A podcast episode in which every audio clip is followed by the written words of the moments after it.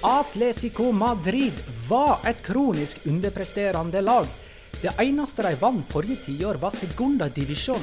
I 2011 kom Diego Simione som selveste frelseren, oppturens ansikt og den ubestridte leder. Simione er der fremdeles. Det er mer enn vi kan si om de fleste spillerne fra forrige sesong.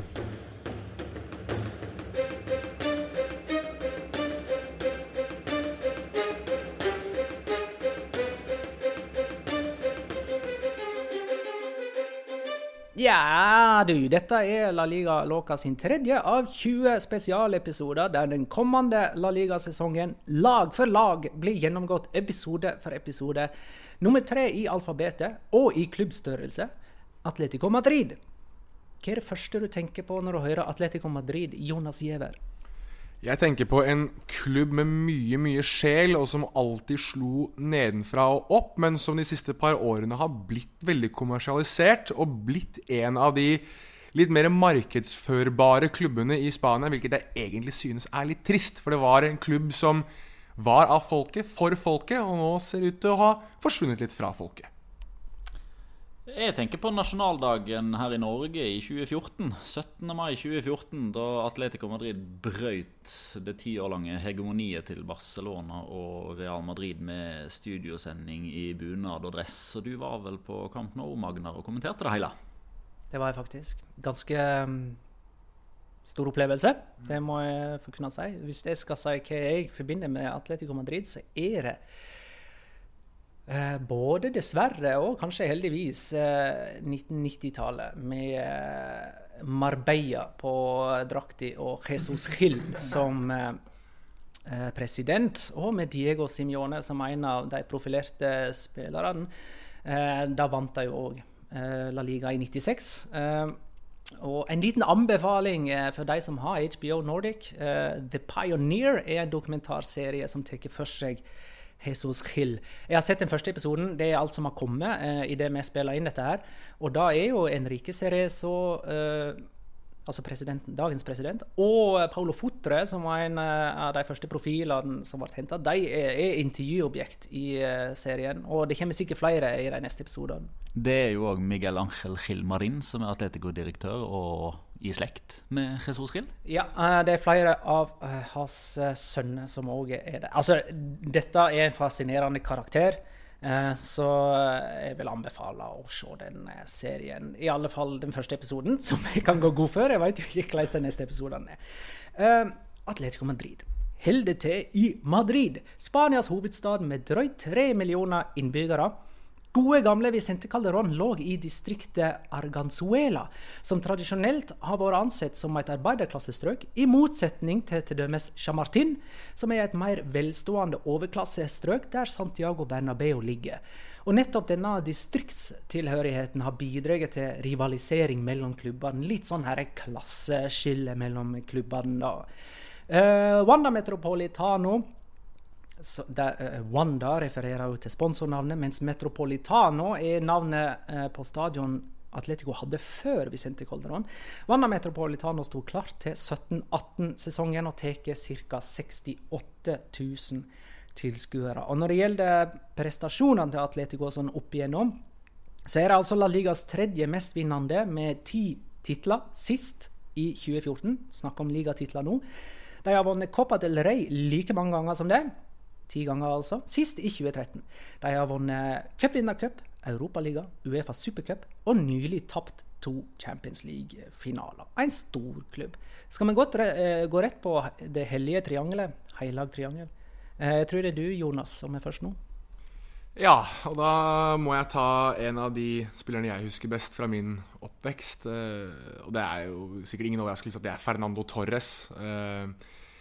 Hva skal man si egentlig der, da? Altså Hvis man snakker legende, klubbikon, så er vel eh, kanskje han den første man tenker på nesten i hvilken som helst klubb, nesten i, hvor som helst i verden. Han eh, var jo kaptein på Atletico Madrid som, som, tenåring. Han bøttet inn mål. Og da han først skulle bytte klubb, så valgte han å gå ut av Spania istedenfor å gå til enten Real Madrid eller Barcelona, slik tradisjonen ofte er. Eh, Tradisjon tru, bare det. Ja da, Jeg hadde lyst til å si det, men jeg prøvde ikke å repetere meg selv, slik jeg veldig ofte gjør. Men eh, Eh, og da han kom tilbake igjen til, til Atletico Madrid etter en del år i, i, Liverpool, i Chelsea, i Milan Hadde egentlig forfalt veldig som fotballspiller og var ikke i nærheten av å være like god som han var en gang i tiden. Ja, Da møtte søren meg 45 000 mennesker oppover Vicente Calderón for å ønske ham velkommen hjem. Og vi var jo på Vicente Calderón i, i deres siste, siste sesong Atletico Madrid spilte der. Og noe jeg la veldig merke til, jeg hadde aldri vært der før, men noe jeg la virkelig merke til, var at uh, han, hvis du skulle kjøpe drakt, f.eks., så var det hans navn som gikk igjen blant alle som skulle kjøpe drakt. Det var, Selv om han ikke spilte, selv om han ikke var like prominent, selv om det var større spillere, så var det Fernando Torres som var selve uh, legenden, selve klubbsymbolet, også etter at han kom tilbake. Så hvis du skal søke opp Atletico Madrid, så må du starte med å lære deg hvem, hvem Fernando Torres er litt et bilde på utviklingen han spissa òg, kanskje, i Atletico. For altså, Da han var der og, og, reiste, så klarte liksom alltid Atletico å få en ny spiss. Aguero, Forland, de bøtta inn mål. Men da han kom tilbake, så var det jo et spissproblem. Og han var jo for så vidt et problem sjøl, ettersom han hadde forfalt. og blir litt, nesten sånn en bilde på det der. Grismannen har jo vært bra, da, skal sies. Han uh, avsluttet jo heldigvis da med å vinne både Europa League med Atletico Madrid og endte over Real Madrid på tabellen for første gang i sin karriere i sin siste sesong. Så han fikk jo en verdig avslutning på sin Atletico Madrid-karriere, og har jo nå nylig vel lagt opp eh, som fotballspiller også etter et lite eventyr borti Japan også. Så en verdig avslutning. Han er eh, EM-vinner og VM-vinner og, og, det som bare er. Så han fortjener all mulig heder og ære. Min uh, utvalgte i dette hellige triangelet Der vi altså, hvis jeg glemte å si det, vi presenterer hver vår spiller eller eh, personlighet som vi enten husker godt eh, eller har et sterkt forhold til, eller mener representerer den aktuelle klubben på et eller annet vis. Min utvalgte er Diego Simeone, som representerte kynisme og taklingsstyrke som spiller, og representerer kynisme og taklingsstyrke som trener. Vann La Liga som spiller i, eh, med Atletico i 96, som en slugger på midtbanen. Eh, etter at han reiste, så eh, tok ikke det lang tid før de spilte i Segunda Division. og så var de plutselig tilbake igjen i toppen da han kom tilbake som trener et tiår eller drøyt seinere. Uansett så er jo selvfølgelig karrierehøydepunktet hans å få Beckham utvist i VM 1998. Denne, Petter? Du, dette blir et hellig toangel. For jeg er helt enig med Jonas. Vi tenker likt her. Det er for min del uh, Fernando Torres. Og det er egentlig fordi jeg har uh, en policy som ikke velger spillere som er der fortsatt, eller tidligere spillere som er der fortsatt. Derfor ble det ikke Simione, som hadde vært et alternativ i så måte. Jonas forklarer det bra. Jeg kan egentlig bare stille meg bak det. Og eh, han er jo et eh, Altså, han er jo Atletico Madrids ansikt utad. Eh, hadde ikke han løpt ute på gresset på Vicente Calderón, så hadde han stått på tribunen og heia på dem. Og så blir det jo litt ekstra spesielt med at han ble eh, matchvinner for Spania i EM 2008. Da eh, man etter veldig magre år, veldig mange magre år i forveien endelig klart å vinne et stort internasjonalt trofé. Og det setter jo en ekstra spiss på det for en som er over gjennomsnittet interessert i og glad i spansk fotball. En uh, kjapp liten anekdote for øvrig om din spiller, Magna Kalvik, uh, Diego Simione. Han var jo bare en signatur unna han å bli trener i Chile for Universidad de Chile uh, da han var ferdig som trener vel i, i Italia. Uh, skulle til Chile, skulle signere. Da fikk han telefon fra gamleklubben i Spania. 'Kan du komme og ta over? Vi er i krise'. Uh, og da måtte han igjen ta telefonen, ringe til Santiago og si 'Vet du hva, jeg kan ikke trene dere. Jeg må ta over Atletico Madrid'. Tok over Atletico Madrid. Resten er historie. Mannen som tok over Universidad de Chile istedenfor, Jorge Sampaoli, som senere skulle trene Sevilla, senere skulle trene det argentinske landslaget, trente Universidad de Chile til Copa Sudamericana-tittel. Så sånn egentlig, selv om Universitetet de Chile eh, i mange år har sagt at vi skulle hatt Simione, så tror jeg alle endte opp med å vinne på det at Simione faktisk sa nei til å signere på den kontrakten. Um, og Simione han er fortsatt i Atletico. Han går vel i gang med sin niende sesong, hvis vi inkluderer eh, 11-12-sesongen da han kom inn halvveis for Gregor, Gregorio Manzano, var ikke det det? Um, og de ble nummer tre to. De ble nummer to forrige sesong. Andre sesongen eh, på rad. Uh, og det som blir litt spesielt denne sesongen, er at det er en fullstendig ansiktsløftning eller eh, avrivning av trynet på Atletico Madrid denne sommeren her. Altså Det føles som det har gått tre lag ut og et halvt lag inn. Jeg vet ikke hvordan ståa er, Petter? Altså Dette overgangsvinduet her er ganske eventyrlig, hvis man er av den typen at man liker at ting skjer. Eh, altså, og det gjør du? Det gjør det så definitivt. Og det begynte jo med at uh, hele fundamentet brast. Med Antoine Griezmann, med Diego Godin, med Juan Fran Torres, med Filipe Luis. Kan det riktignok hende at han fortsetter allikevel. Eh, Rodrigo Hernandez. Uh, og så har man allikevel klart å å hente såpass mange spillere at jeg vet ikke om det er euforien akkurat nå, eller et ønske om at de skal fortsette å være like konkurransedyktige som de har vært. Men jeg føler at det, mannskapet de er i ferd med å bygge nå, ser mer spennende ut. Selv uten Grismann, uten Rodrigo, uten Godin med Joao Felix, med Marcos Llorente, med Mario Hermoso eh, Kanskje ikke Kieran Trippier eh, er det som liksom får eh, hårene til å eh, reise seg på diverse steder av kroppen akkurat nå. Renan Lodi virker veldig spennende som venstreback, og de er jo ikke ferdige heller. Det diskuteres jo i snakkende stund om de skal hente James Rodriguez eller Christian Eriksen. Så det er veldig mye spennende som skjer. Og det aller mest spennende med det er at jeg føler at nå eller aldri så må Atletico Madrid skifte spillestil. Nå må Diego Simione begynne å endre seg litt. Hvis han skal fortsette å spille det man nå har blitt vant til som Atletico-fotball gjennom 8-9 år, med den spillerstanden som de har nå, det blir litt kulturkrasj for meg, altså.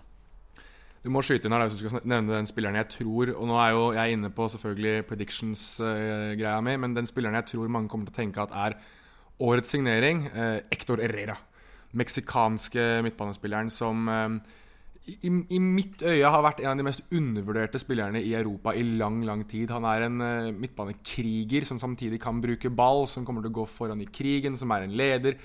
Uh, så i alle disse herlige, nydelige, spennende spillerne så er det for meg faktisk en meksikaner som kom gratis, uh, som jeg er mest spent på å se på Wanda Metropolitan neste sesong. Atletico framstår for meg som Eh, et av de vanskeligste lagene å spå, eh, sånn som ståa er akkurat nå. Men jeg klarer likevel ikke å se for meg at de kommer noe nærmere førsteplassen enn eh, forrige sesong. Jeg vet ikke, altså, for meg så ser det fortsatt ut som tilbakesteg, det som skjer nå. Ja, det er, og det er lett å følge deg på det når man ser betydningen Antoine Griezmann har hatt. og Rodrigo Anandes var jo den som i hvert fall til tider holdt laget sammen på litt samme måte som Gabi gjorde. Men der, der, føler jeg at for Atletico Madrid sin fansen så er det litt mer sånn en mer emosjonell nedtur at Atletico-produktet Rodrigo, som kom tilbake fra Viareal, velger å gå på nye jaktmarkeder etter kun én sesong eh, og følge etter Antoine Griezmann. Der har det vært enormt mye styr. Det òg er veldig emosjonelt, i tillegg til at det selvfølgelig er en stor sportslig svekkelse. Fordi Joao Felix vi, vi, aner ikke hva vi får. Altså Vi har selvfølgelig sett masse av han i Benfica. Han var hysterisk mot Frankfurt. Har skåra masse mål, hatt masse målgivende for Benfica. Men 126 millioner euro for noe man håper skal bli bra. Vi glemte jo i forbindelse med vårt hellige tri triangel å nevne tidenes dyreste, dyreste Atletico-spiller. Ja, det er jo da Joao Felix, eh, som er 126 millioner euro, pluss en merkelig handel i Ivan Sjepanovic, eller hva han heter for noe. Altså, det er med, ja, eh, vi trenger ikke snakke så veldig mye om det. Eh, knuste jo da den tidligere overgangsrekorden til Thomas LeMar, som var på var det 75 mm. ca. Og mm. Thomas LeMar var ikke noe suksess i sin første sesong. Men der òg ligger det jo litt sånn OK, nå er den, den, første, den vanskelige første sesongen unnagjort. Nå har han blitt litt vant til Simione sin spillestil. og det, det, det, ligger noe uforløst over eh, en type som Thomas, eh, Thomas LeMar òg. Så ja, det er mange spørsmålstegn. Eh, et av de lagene som kan være vanskeligst å vite hvor man har opp mot seg sjøl, men allikevel så skal det være såpass sterkt at en topp tre-posisjon Jeg kan ikke helt se for meg at den skal være trua på noen måte. Altså vil jo, altså Atletico Madrid de er litt prisgitt hvordan Barcelona og Real Madrid gjør det. Altså De mm. vant jo La Liga i 2014. Ikke bare pga. at de sjøl var helt på topp, men det var òg fordi Barcelona og Real Madrid på samme tidspunkt traff en liten bølgedal i La Liga-sammenheng med tanke på antall poeng de tok. Mm. Ja, hvis ikke du hadde noe å tilføye, Jonas, så Nei, egentlig bare veldig veldig kjapt. Uh, at uh, nå er jo uh, på, på, mange måter det 2014-laget som vant La Liga, er jo Nå er det gravlagt. altså Juan Fran har forsvunnet, Filip Luis er på vei ut, Diego Costa er på vei ut, Godin har dratt. Så nå må de jo bygge et nytt mesterlag, og det blir veldig spennende å se hvem som blir bærebjelkene i, i det laget. Jeg har en feeling på at vi kommer til å, å ha mye moro med José Maré Jiménez, som har tatt drakt nummer to nå etter landsmann. Uh, Godin, som kommer til å være den nye hærføreren i det forsvaret. Jeg, jeg, jeg gleder meg jeg, til uh, dette Atletico Madrid-laget, fordi um, nå starter uh, Diego Simione sin kalle andre era, andre periode som Atletico Madrid-trener, selv om han aldri åpenbart har gått fra stillingen sin. Men dette her er nyskapningen, og jeg er veldig spent på å se om den kan over, overvinne sine skygger, eller gå og overgå det de gjorde. Men jeg, jeg jeg er veldig enig med Petter at når du bruker 126 millioner euro på en type som er 19 år gammel, 18-19 år gammel, Joa Felix det legger premissene for eh, veldig høye forventninger, og for et lag som jeg ikke tror helt klarer å leve opp til det. Du kommer deg til Madrid fra alle verdens kriker og kroker. Norwegian har direkteruter alle dager, minus lørdag. Fra og med november så er det torsdag, fredag og søndag. Med SAS så kommer du deg dit med en liten mellomlanding midt i Europa. Du kan velge mellom alle byer som har flyplass. Uh, stadion ligger øst i byen, et stykke unna sentrumskjernen. Det er et veldig dødt område, egentlig. Uh, du må ta metro, linje 7 eller 5 for å komme deg dit.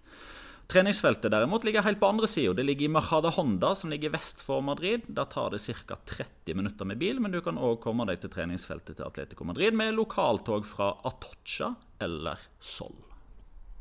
Da har vi gjort unna alle a-en i uh, alfabetet i La Liga 1920. Uh, så den neste bokstaven blir en B. Så hvis vi klarer å finne et spansk lag på B, så vil eh, det handle om det i vår neste episode. Takk for at du lytta, kjære lytter. Hei nå.